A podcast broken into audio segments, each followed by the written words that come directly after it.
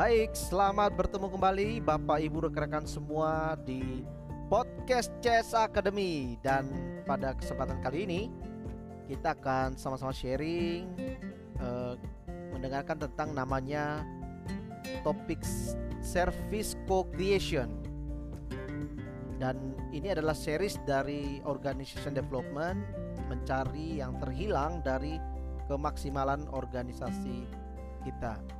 Baik, bersama saya Anung Prakoso, selamat datang kembali dalam podcast CS Academy. Nah, apa sih itu namanya service co-creation? Kita harus bicara dulu latar belakangnya. Jadi, eh, Bapak Ibu rekan-rekan semua, kita sudah tahu bahwa kita masuk ke dalam sebuah era kompetisi yang baru, di mana di sini banyak sekali organisasi perusahaan itu berusaha mendapatkan yang lebih baik, yang lebih besar, lebih banyak gitu ya. Ya memang dari dulu seperti itu tujuan dibawa buatnya sebuah organisasi. Jadi kita ingin berterus berkembang, bertumbuh di tengah persaingan yang semakin ketat. Apalagi kalau kita bicara di Indonesia dengan dibukanya MEA ya masyarakat ekonomi ASEAN pertarungan kita dalam dunia bisnis ini sangat membutuhkan. Kerja cerdas, bukannya kerja cerdas tapi juga ada ide-ide atau cara-cara baru di mana kita harus memiliki sebuah metode pelayanan atau sebuah produk yang mampu menarik perhatian atau menjawab kebutuhan atau menjadi bagian dari hidup customer kita. Oke, jadi di inilah latar belakangnya kita perlu memiliki sebuah hal yang baru baik itu produk layanan yang dapat menjawab mulai dari apa? kebutuhan mulai dari gaya hidup ya dan juga segala sesuatu yang diperlukan oleh customer kita. Kenapa? Harus seperti itu gitu. Ya karena sekarang kita harus beralih dari namanya dunia produk driven sekarang beralih pada customer driven.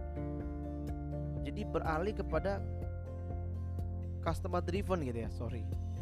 Ya. Jadi beralih fokus benar-benar kepada customer.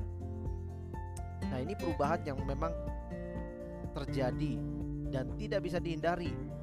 Nah, apa sih yang berubah dari customer kita? Banyak orang bilang customer needs, customer behavior gitu ya. Customer value itu berubah gitu loh. Nah, kenapa itu berubah? Ya karena zaman juga berubah gitu. Ada pergeseran nilai, pergeseran cara belanja, pergeseran cara ber, melihat segala sesuatu itu dari kacamata customer. Jadi ketika customer uh, kita ya contoh ya, tadinya kita melayani bapaknya, sekarang yang pegang kendali adalah generasi sesudah anak pertama gitu misalkan, atau mungkin generasi anak kedua gitu. Nah tiap generasi itu selalu ada masanya gitu. Dan masa sekarang kalau kita mau lihat digitalisasi sudah menjadi sebuah platform hidup bagi customer kita. Contoh baik dalam hal yang pribadi ya, private ya. Contoh beribadah. Sekarang udah online, ada banyak hal yang bisa didapatkan dari internet ya. E, cara apa lagi? Cara berkomunikasi. Oh, di kita sudah sangat ya sangat maju sekali dengan aplikasi-aplikasi lebih dipakai daripada menggunakan telepon gitu ya. Kemudian apalagi dari cara mencari barang dimudahkan sekali. Sekarang importir berkembang dengan pesat di dalam negeri. Kenapa? Karena mereka bisa kontak dengan orang-orang yang ada di luar, uh, orang penyedia barang itu, pabrik-pabrik yang ada di luar yang bisa dikontak kemudian bisa datangkan barangnya.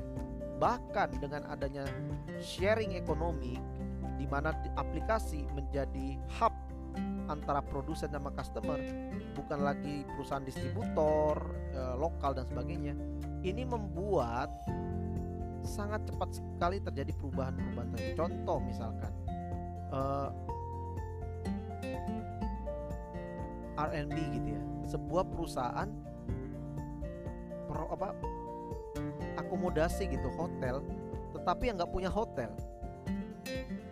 saya sebut aja salah satu unicorn kita di lokal Traveloka perusahaan perjalanannya perusahaan wisata uh, ya tour gitu ya tour uh, perusahaan di bidang uh, pariwisata gitu ya.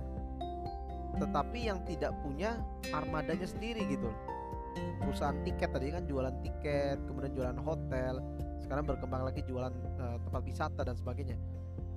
Perusahaan pener menawarkan tiket penerbangan tetapi tidak punya pesawat atau kita let's say kita e-commerce ada Tokopedia, ada Blibli, ada Shopee, JDID, Lazada dan yang lain gitu ya. Tapi mereka nggak punya mallnya. Nah inilah sharing ekonomi. Ini ini yang saya bilang berubah gitu, dunianya berubah. Dan mau tidak mau itu harus disikapi oleh kita supaya kita punya bisnis, punya usaha, punya perusahaan, punya organisasi ini dapat terus berkembang. Nah, itu dasarnya. Jadi kenapa diperlukan namanya sebuah satu hal yang baru yang saya tawarkan hari ini adalah service co-creation. Ini saya tawarkan untuk menjadi salah satu alternate solusi untuk uh, para businessman, para leader agar bisnis atau perusahaannya dapat terus berkembang. Nah, yang pertama kita mau sharing tentang namanya customer needs. Jadi customer itu ternyata kita bedakan ada level leveling, ada layer layernya gitu ya. Kalau kita ingin mendapatkan customer needs atau kebutuhan customer, biasanya apa sih yang kita pakai?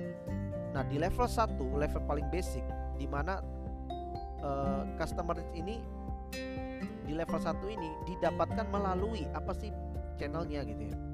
Melalui yang pertama level 1 adalah menampung keluhan kotak saran kotak kritik gitu ya. Kalau anda punya kritik dan saran masukkan ke dalam kotak ini. Ini ini ya dulu kita sering lihat ya. Kalau sekarang zaman modern anda bisa pencet gitu. Ada logonya. Kalau anda senang tidak senang silahkan pencet. Nah ini level 1 ya suka menampung keluhan. Nah sekarang saya mau tanya gitu. Berapa banyak sih customer kita yang menggunakan channel uh, ini gitu? Berapa banyak? Ya mungkin sudah gak banyak lagi. Eranya udah berubah bro. Gitu ya. Jadi ini nggak nggak bukan suatu suatu cara yang efektif sih dan efisien pula gitu ya. Uh, untuk saat ini. Karena menampung keluar nih ya ya nyaris ya akan mendapatkan sedikit uh, feedback gitu dari customer. Dan kita jadi nggak ngerti kebutuhan customer kita tuh apa Nah yang kedua ini sudah sedikit lebih expert. Ya ada hotline ada buat hotline uh, number gitu ya. Jadi kita bisa kontak anytime kita mau call kepada perusahaan penyedia jasa atau produk yang ya kita beli gitu ya. Kemudian ada namanya service desk. Ya service desk itu ya kayak customer service uh, ada satu pojok customer service gitu. Jadi kita bisa uh, mengadu atau kita bisa cari informasi itu di customer service desk tadi Kemudian ada lagi apa? Ada mulai ada analisa data penjualan, baik itu fast moving, uh, medium atau slow moving.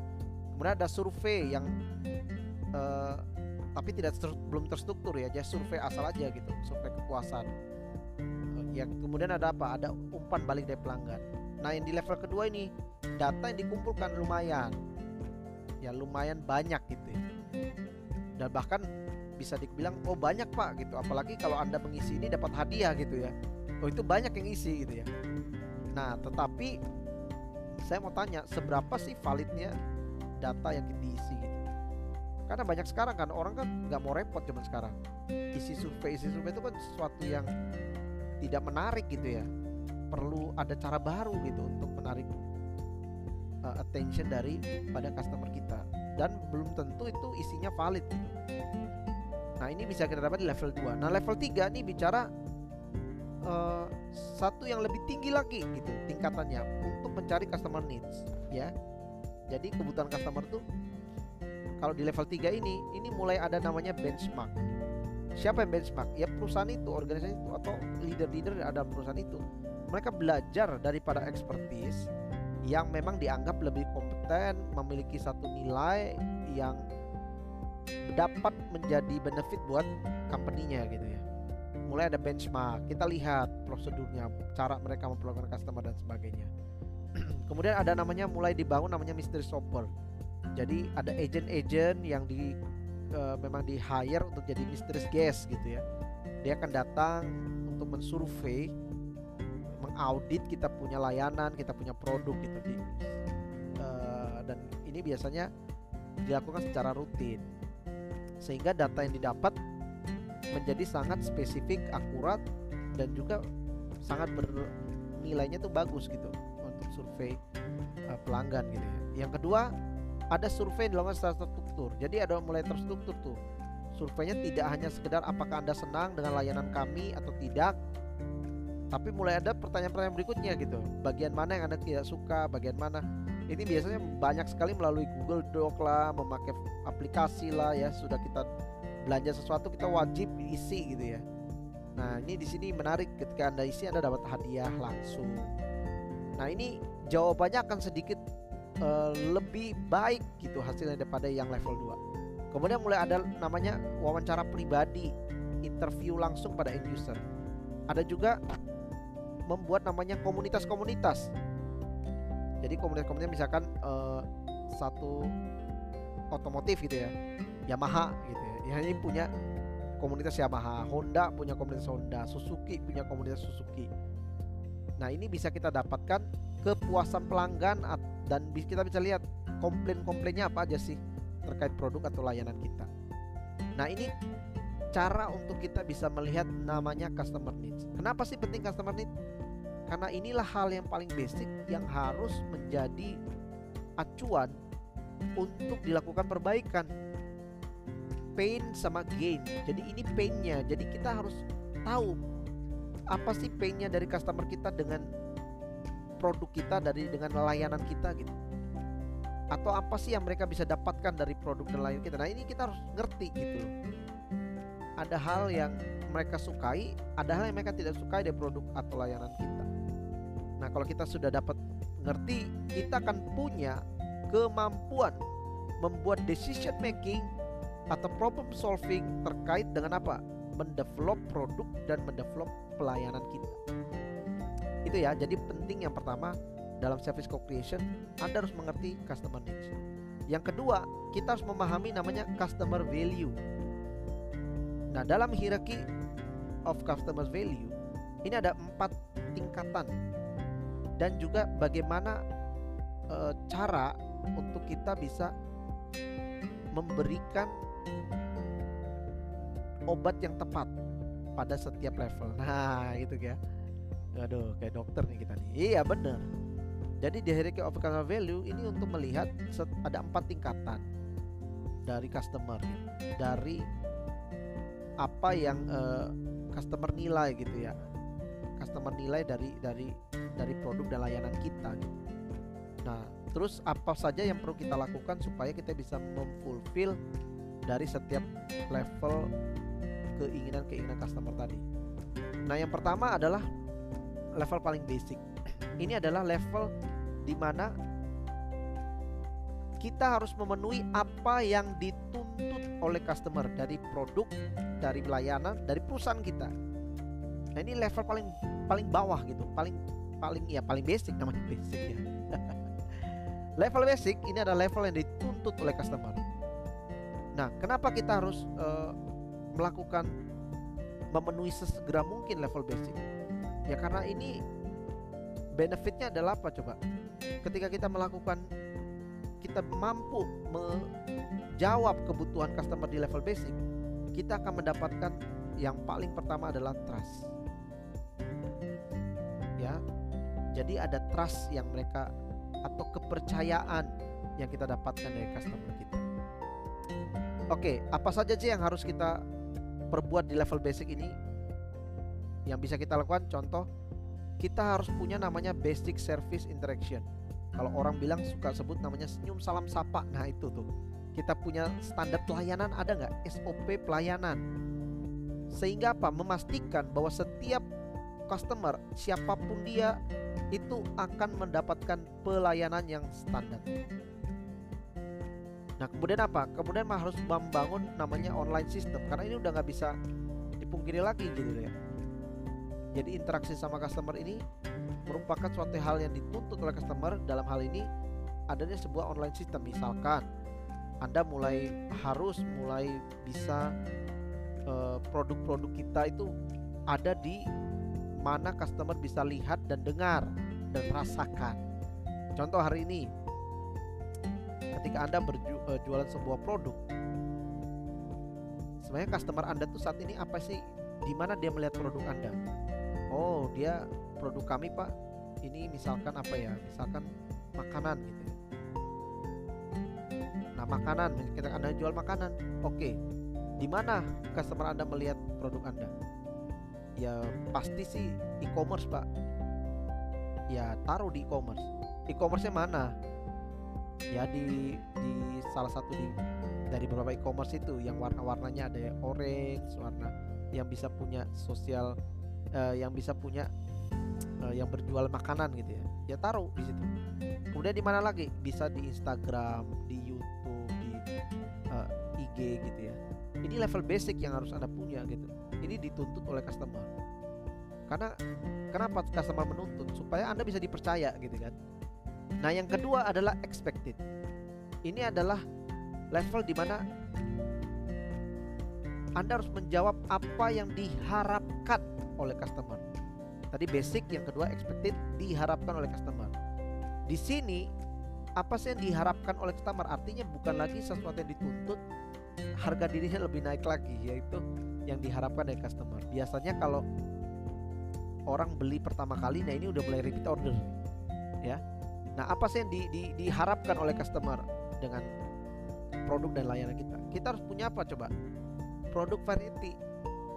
Jadi kebayang ya kalau tadi Anda bilang e-commerce ya, kita masuk ke sebuah uh, e-commerce itu basic gitu, Anda harus punya. Nah, bayangkan kalau customer Anda masuk ke e-commerce Anda tuh produknya cuma satu dua gitu. Menarik gak toko Anda? Enggak, jadi produknya harus banyak gitu loh Nah itu yang diharapin oleh customer kan sekarang all in one gitu. Kalau bisa dia belanja di satu tempat gitu. Nah tapi kan itu sesuatu yang memang eh, ya nggak bisa lah kita menyediakan. Kita punya segmentasi bisnis sendiri-sendiri gitu ya. Nah berarti di dalam segmentasi anda apa sih yang diharapkan oleh customer? Misalkan anda jual makanan. Nah selain makanan anda jual apa lagi gitu? Ya? Mungkin bisa jualan minuman. Mungkin bisa jualan apa lagi gitu loh. Nah itu kan produk-produk varietas gitu ya Eh produk varietas Variety produk gitu Yang harus Anda miliki gitu ya. Kemudian apa lagi? Ada kemudahan transaksi. Ya iyalah Kemudahan pengiriman. Iya itu juga perlu. Penting sekali Itu diharapkan oleh customer. Kenapa? Supaya mempermudah. Kalau yang basic adalah trust. Yang berikutnya Kenapa diharapkan? Supaya mudah Semakin mudah dia berbisnis dengan Anda Semakin Anda menjadi pilihan gitu loh. Tadi produk overready kemudian uh, is to transaction dan is to distribute gitu. Gampang untuk bertransaksi. Anda bisa pakai GoPay, Go bisa pakai uh, OVO, bisa pakai uh, BCA, bank-bank lain, BNI, BR, ya semua bank lah ya, kartu kredit bisa, bisa pakai macam-macam. Nah itu akan membuat customer menjadi lebih ya tenang gitu berbisnis sama Anda ya. Oke, kemudian ada konsisten basic service interaction. Dan ini apa coba? Anda punya layanan, itu kalau udah dibuat SOP-nya, pastikan bahwa itu dijalankan dengan secara konsisten oleh siapa pun yang berhubungan sama customer Anda. Baik itu mulai dari kalau online ya, adminnya, cara menjawabnya, kata-katanya harus dibikin uh, skripnya gitu ya, cara menjawab atau dibikin sistem gitu, jadi jawab otomatis. Kemudian yang mengantar juga itu harus dipikirkan uh, barang Anda kalau jika diantar, Anda harus packing packingnya tuh yang aman gitu ya, yang standar ada misalkan ada tambahan apanya, ada tambahan kata-kata uh, manis lah, tambahan thank you lah, tambahan apa gitu ya, yang menurut Anda tuh menjadi sesuatu yang gimmick yang menarik gitu ya, sesuai yang diharapkan oleh customer. Kenapa? Karena customer tuh berharap dia dihargai, dihormati. Itu kan sebenarnya harapan semua orang ya. Makanya lakukanlah itu terhadap customer anda level yang berikutnya adalah desire. Jadi kalau tadi diharapkan nah yang ini desire ini diangankan oleh customer. Bagaimana cara menjawabnya? Ya anda harus punya namanya variety of delivery channel nah kalau tadi sudah disinggung ya kemudahan bertransaksi kemudian mengirimkan uh, pengiriman barang. Nah, kemudian variety of delivery channel ini bicara apa? Mereka bisa mengakses dari mana pun. Contoh ya ini contohnya. Supaya bisa mendapatkan produk atau jasa Anda. Nah, itu tadi. Tadi berhubungan sama online system ya. Di sini tapi sudah bicara apa yang diinginkan oleh customer. Ketika mau cari Anda tuh gampang gitu loh. Kalau bangun tidur gampang cari Anda. Kalau dia uh, di toilet dia bisa cari anda kalau dia di mana tuh bisa gitu ya melalui misalkan kan sekarang komunikasi channel penjualan itu bisa banyak melalui handphone melalui aplikasi sosial media dan lain-lain misalkan anda sudah punya website that's good tambahkanlah sosial media tambahkanlah e-commerce tambahkanlah apa coba misalkan punya uh, anda punya strategi market allow the line gitu ya. Billboard di tol-tol. Nah ini delivery channel jadi terus cara produk anda sampai kepada mereka. Nah ini melalui pengiriman pengiriman entah itu same day entah itu pengiriman melalui apa same day. Kemudian apa lagi tuh biasanya? Uh, kirim tiga jam gitu ya atau hari yang sama gitu atau mau kirim dengan berbagai pilihan nah ini kan sudah ada di e-commerce ya dan kita dibantu dengan Nah, kemudian ada apa lagi? Ada advanced service interaction. Nah, di sini desire diangkat kalau customer contoh advanced service interaction kalau tadi adalah standar di level basic Anda harus punya SOP-nya untuk pelayanan. Level expected Anda harus konsisten jalanin tuh uh, pelayanan Anda gitu. Nah, kalau di level desire desire ini bicara sesuatu yang lebih tinggi lagi misalkan anda uh, service interactionnya tadi ketika Anda mengirimkan sebuah produk Anda, Anda punya sesuatu gimmick-gimmick tertentu yang membuat orang itu memorable gitu. Misalkan, tetapi memorable yang ya, memorable yang berguna buat customer. Misalkan bundling.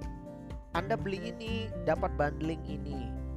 Ya, Anda beli ini nanti eh, tiba-tiba uh, satu waktu mereka dikirimkan satu bonus apalah gitu ya. Ada free gitu ya. Bahkan ada yang kemarin yang jualan magic jar hanya karena free beras 2 kilo itu menjadi pilihan banyak orang. Lucu ya. Tapi itulah yang terjadi gitu. Kenapa? Karena bayangkan ya customer anda tuh mengangankan produk A dia keluarkan uang untuk produk A itu sejumlah harga yang memang tercantum dia bayar tetapi ketika dia bayar atau uh, ketika anda melakukan sebuah promosi gitu ya anda mungkin bundling sama produk lainnya Bayangin dia bisa dapat dua produk dengan harga yang sama. Nah ini juga salah satu strategi supaya Anda bisa sampai di level desire ya yang dianggap oleh customer Anda. Nah berikutnya adalah unanticipated. Ini adalah level tertinggi di mana sini bilang apa? Sesuatu yang service atau produk yang tidak diduga oleh customer. Inilah level unanticipated. Di sini apa? Anda memberikan pelayanan yang sangat personalized dengan dia. Terus apa yang menjadi ekspektasi dia tuh segera Anda jawab gitu saat ini. Nah, ini kan sesuatu yang tidak diduga oleh customer. Contoh misalkan misalkan ya. Ketika Anda bicara oh pengirimannya e, lima hari tetapi dalam waktu dua hari sudah sampai depan pintu rumahnya. Nah, itu kan sesuatu yang tidak diduga gitu. Saya duga sih lima, lima hari pengiriman. Ternyata satu hari udah sampai gitu. Oh pengiriman cepat bintang 5 ini kalau bicara e-commerce ya. Atau produk anda jual ke toko gitu ya. Pengirimannya tiga hari tapi anda dengan daya uh, upaya gitu ya, mempercepat proses pengiriman itu anda akan menjadi wow, wow. kemudian apalagi yang antis unanticipated? Misalkan uh, tadi pengiriman ya. Misalkan dari produk sisi produk anda. Nah, Anda ketika dia membeli produk ini ya Anda uh, bisa tambahkan dengan apa membeli produknya kita Anda tambahkan dengan misalkan member, memberikan dia satu souvenir. Kalau tadi kan desire ya ada satu uh, diangankan oleh customer kalau ini sesuatu yang tidak diduga gitu kalau diangankan masih bisa difikirkan oleh customer uh, kita gitu. kalau anticipate itu sesuatu yang sudah beyond dari pikiran kita. Nah ini kalau yang gak diduga-duga ini yang kayak tadi ya saya sudah sebut contoh aja memberikan souvenir. Anda bisa memberikan ya bundling. Jadi kalau perlu yang mereka nggak uh, apa namanya?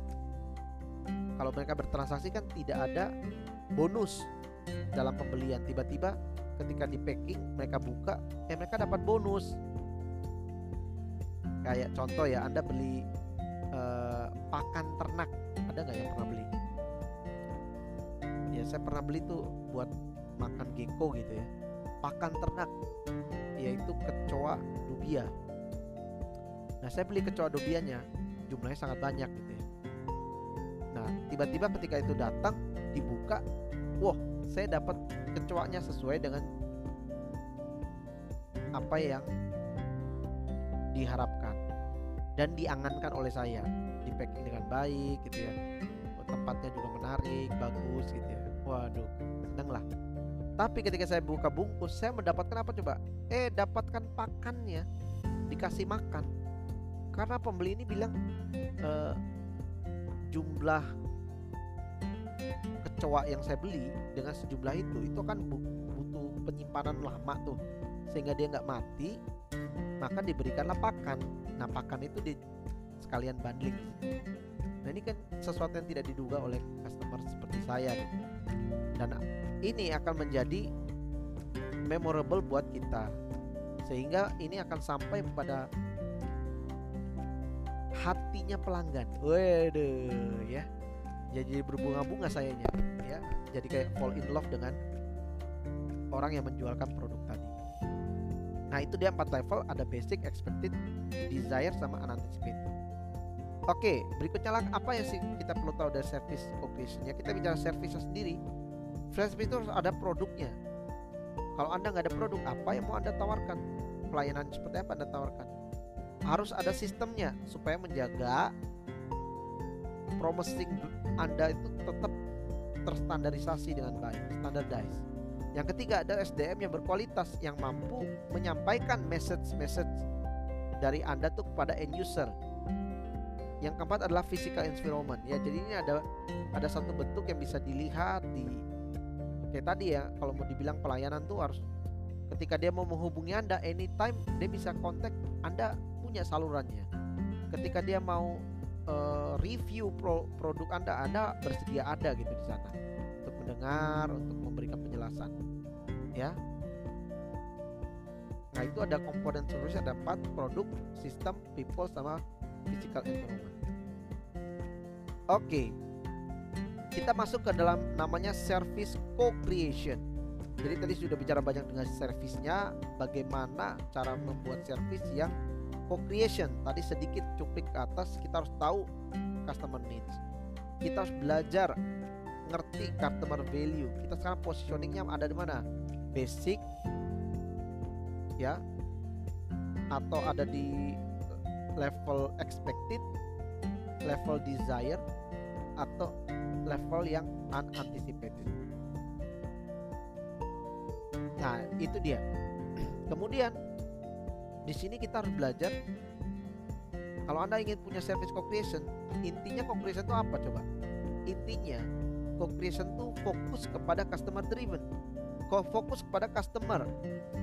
Produk atau jasa kita itu harus benar-benar menjawab apa yang menjadi kebutuhan dari customer. Nah, bagaimana itu? Nah, caranya saya kemarin merelate sama uh, Les Giblin ya, skill with people. Dia bilang yang paling pertama, kalau Anda ingin punya service co-creation, Anda harus mendudukkan customer yang paling pertama. Itu harus mendudukkan mereka pada posisi roda penggeraknya itu customer, posisi inti dari kerja apa dari sesuatu yang Anda ingin bangun di produk dan jasa Anda. Nah ini fokusnya kalau di Les Gimit bilang gini, orang tuh tertarik pada diri mereka sendiri bukan pada Anda. Kalau saya mau tambahkan, customer sangat tertarik kepada kebutuhan mereka, bukan tertarik terhadap janji-janji Anda gitu atau terhadap apa yang Anda tawarkan. Enggak. Mereka tertarik kepada kebutuhan mereka, bukan tertarik pada apa yang Anda janjikan gitu ya, apa yang Anda tawarkan. Nah, jadi bagaimana caranya? Kita harus memahami customer dan memahami kodratnya dia gitu. Kalau customer kita misalkan ya, kita lihat location, kita lihat dari latar belakang suku misalkan. Kita lihat dari latar belakang pendidikan, latar belakang ketika kita sudah punya data-data seperti itu. Ketika menawarkan sebuah produk harus kita pikirkan matang-matang. Apakah produk itu harus apakah level orang ini ada di ketika berinteraksi sama kita sudah ada di level apa? Basic kah? Customer value yang tadi ya. Expected kah?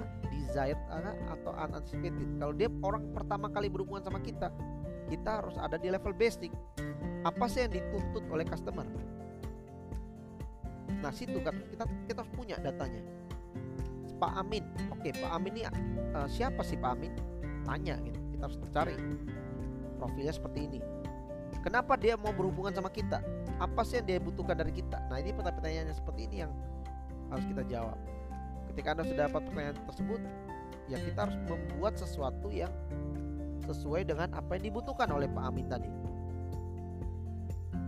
Ingat, customer tuh selalu tertarik dengan kebutuhan mereka. Nah kita lihat kebutuhan mereka. Misalkan Pak Amin ini uh, di uh, dia mungkin tidak cukup uh, mobile gitu ya dalam menjalankan bisnisnya. Jadi dia selalu pengen ada sebuah pelayanan dalam hal pengiriman gitu. Nah ini yang harus kita pahami gitu ya. Oh ini ada sebuah kebutuhan yang unik nih. Kalau Pak Amin nih dia ini selalu uh, menuntut ada proses yang pengiriman yang mudah gitu. Nah itu yang harus selalu kita jadikan kunci berhubungan dengan Pak Amin gitu. Jadi kita fokus pada kebutuhan Pak Amin. Oke, kenapa dia nggak mobile? Ya udah umur. Gitu. Dia udah umur tuh pengennya kita yang dateng, kita kanvasi, kita bawa barangnya, bawa ininya, atau perlu kita uh, kalau bisa tuh diantar gitu barang-barangnya. Jadi dia cuma tinggal hanya di toko, ya dia duduk-duduk aja, duduk manis, terus barang datang, nanti dia tinggal bayar. Contoh aja itu ya contohnya. Atau yang sering kali apa coba? Kebutuhan orang ini, oh iya kita lihat nih kebutuhannya dia. Uh, dia misalkan punya uh, usaha itu di satu tempat yang memang usaha sejenisnya itu banyak gitu loh sama kayak dia. Berarti yang kita lihat apa kebutuhan dia supaya dia bisa tetap berkembang. Dia butuh namanya promo-promo yang menarik gitu ya. Dan harus disesuaikan sama omset berapa besar omset yang mampu dia kelola gitu. Nah ini berpikirnya harus sampai sana gitu. Jadi kalau saya lihat oke okay, ini saya punya customer toko jualan elektronik. Ini di sini elektronik semua banyak banget elektronik. Berarti apa? Dia butuh kompetitif barang-barang yang uh, harganya tuh punya kompetitif tapi returnnya juga lumayan gitu buat tokonya dia. Makanya perlu disetting fast movingnya apa, medium sama slownya apa, Nah ini yang perlu kita tawarkan gitu kepada customer. Jadi customer tuh dibantu untuk berpikir, dibantu berjualan. Bukan kita hanya sekedar datang jual barang kita, enggak. Tolong dibantu dianya berpikir gitu loh. Dibantu menganalisa kebutuhannya dia apa. Kemudian dia udah masuk ke mana hubungan sama kita.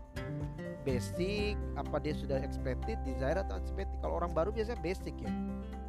Baru yang kedua kita naikin tuh ke expected kalau sudah naikin lagi ke desire kalau sudah naikin lagi ke anticipated. Nah itu cara mengelola customer gitu ya di dalam era co-creation. Kita fokus apa sih yang menjadi kebutuhan dia. Nah ini ada survei ya mengatakan bahwa 83% orang itu belajar melihat belanja gitu ya dengan melihat. 11% dengan pendengaran 3,5% dengan penciuman 1,5% dengan sentuhan dan 1% dengan rasa. Nah dari sini juga bisa kita jaga acuan untuk bagaimana kita membuat sebuah sistem pelayanan yang co-creation berikutnya yang kedua. Nah kita harus membangun sebuah pola komunikasi yang benar dengan customer kita. Kalau yang pertama tadi membangun yang service yang co-creation kita harus pahami customer. Nah yang kedua kita harus terampil berkomunikasi punya pola komunikasi yang benar nah ini kembali lagi kalau kita lihat tadi Pak Amin dia umurnya misalkan udah 50 menuju ke 60 lah di, di tahun sekarang gitu berarti ini masih termasuk era-era uh, baby boomer gitu ya Oke, biasanya baby boomer tuh apa sih yang mereka? Oh mereka tuh orangnya sangat loyal, orangnya ini sangat sangat protektif gitu ya, konvensional pelan-pelan.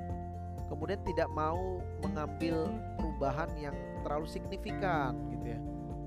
Nah ini kita pelajari customer kita. Oke, kalau baby boomer tuh kira-kira kayak gitulah ya kemudian dia itu harus punya relasi yang cukup dalam sama orang supaya dia bisa terus berhubungan berbisnis sama dia. Nah, kita membangun komunikasinya gimana? Sekali lagi, kita harus fokus topik-topik yang kita pilih dalam berkomunikasi sama dia itu adalah tentang mereka gitu, diri mereka dulu, baru tentang kita dan produk kita atau layanan kita. Gitu. Contoh tadi bisa Pak Amin umur umurnya 60 ya. Biasanya kalau umur 60 tuh apa sih yang disuka diperbincangkan? prestasi misalnya wah bapak saya cukup bangga loh berkenalan sama bapak kenapa saya lihat bapak nih orang yang cukup sukses di bidang ini itu kan pujian ternyata bapak nih orang yang sangat punya pengetahuan banyak nih punya pengalaman banyak di bidang ini ya pak ya. Nah itu sanjungan lagi gitu. Jadi saya lihat eh, dalam bapak mengelola bisnis ini bapak kayaknya sangat memahami luar dalamnya gitu. Ya sekali lagi hal membangun komunikasi itu contoh kayak gitu gitu. Kita menyesuaikan dengan umur. Kemudian apa? Mungkin sesuaikan dengan kalau anda bisa sama gitu sukunya. Anda bisa melalui pendekatan melalui suku gitu. Misalkan orang Batak gitu ya bertemu sama kita orang Jawa. Nah anda punya knowledge tuh bagaimana berbicara sama orang Batak. Kalau anda orang Nusa Tenggara Timur orang Ambon. Nah bagaimana sih berkomunikasi sama mereka? Itu juga satu hal yang baru gitu. Orang Jawa gimana sih bangun chat dengan orang Jawa nah itu loh yang saya maksud jadi ini kemampuan terampil berkomunikasi harus menyesuaikan dengan siapa kita berbicara yang kedua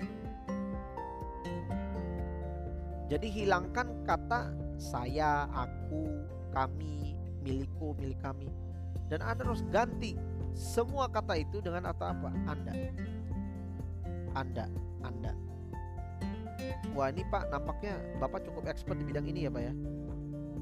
Bla bla bla dia, dia jawabnya bla bla bla bla bla bla. Iya. Jadi menurut Bapak nih, nah ini kan udah fokusnya ke Anda ya. Menurut Bapak sebenarnya untuk kembangin bisnis ini apa sih Pak yang harus kita lakukan apa kita perlukan? Sebenarnya nah itu kan dia pasti berkomunikasi dengan baik lah karena fokus kita apa? Mengarahkan pembicaraan kepada Anda. Nah, yang ketiga, terampillah membuat orang merasa penting. Gimana sih cara orang membuat orang merasa penting? Ya perlakuan mereka secara istimewa. Mereka adalah raja, jadi kita perlakukan mereka secara istimewa. Nah, itulah tiga hal yang bisa kita lakukan untuk membuat sebuah service yang co-creation, service yang berpusat pada customer need. Yang pertama langkah-langkahnya ya, langkah praktisnya. Pertama kita harus pahami siapa customer kita. Yang kedua kita harus pahami cara berkomunikasi dengan mereka. Dan yang ketiga memahami cara membuat mereka dan menjadikan mereka orang-orang penting dalam bisnis Anda. Aduh, ini saya merasa bangga banget sama bapak bertemu bapak kenapa gitu karena uh, bapak tuh membuat uh, saya tuh banyak belajar arti mengelola bisnis di bidang ini. Ya kan membuat dia merasa penting. Dan dia nanti cerita lagi wah gini seperti ini. Apalagi kalau dia orangnya tipe-tipe yang koleris gitu ya. Wah itu seneng banget tuh bertemu sama orang-orang seperti itu. Kenapa? Karena kita harus mem memposisikan mereka adalah sebagai raja gitu ya. Ketika anda dapat membuat mereka menjadi orang penting gitu ya maka mereka dia akan juga akan membantu anda dalam bisnis atau dalam pekerjaan dalam bisnis pelayanan ya, dan produk-produk anda. Oke itu tadi. Ada tiga hal yang bisa kita lakukan di dalam bangun service co-creation dan di awal sudah saya banyak bicara apa sih itu service co-creation Sebe semoga ya, semoga apa yang kita sampaikan kami sampaikan pada hari ini bisa menjadi sebuah input yang baik buat karir Anda, buat organisasi Anda, buat bisnis Anda, buat produk dan layanan Anda supaya terus dapat berkembang ke depannya. Terima kasih, salam dari saya Anang Prakoso. Sampai ketemu lagi di podcast berikutnya Jasa Academy. Terima kasih.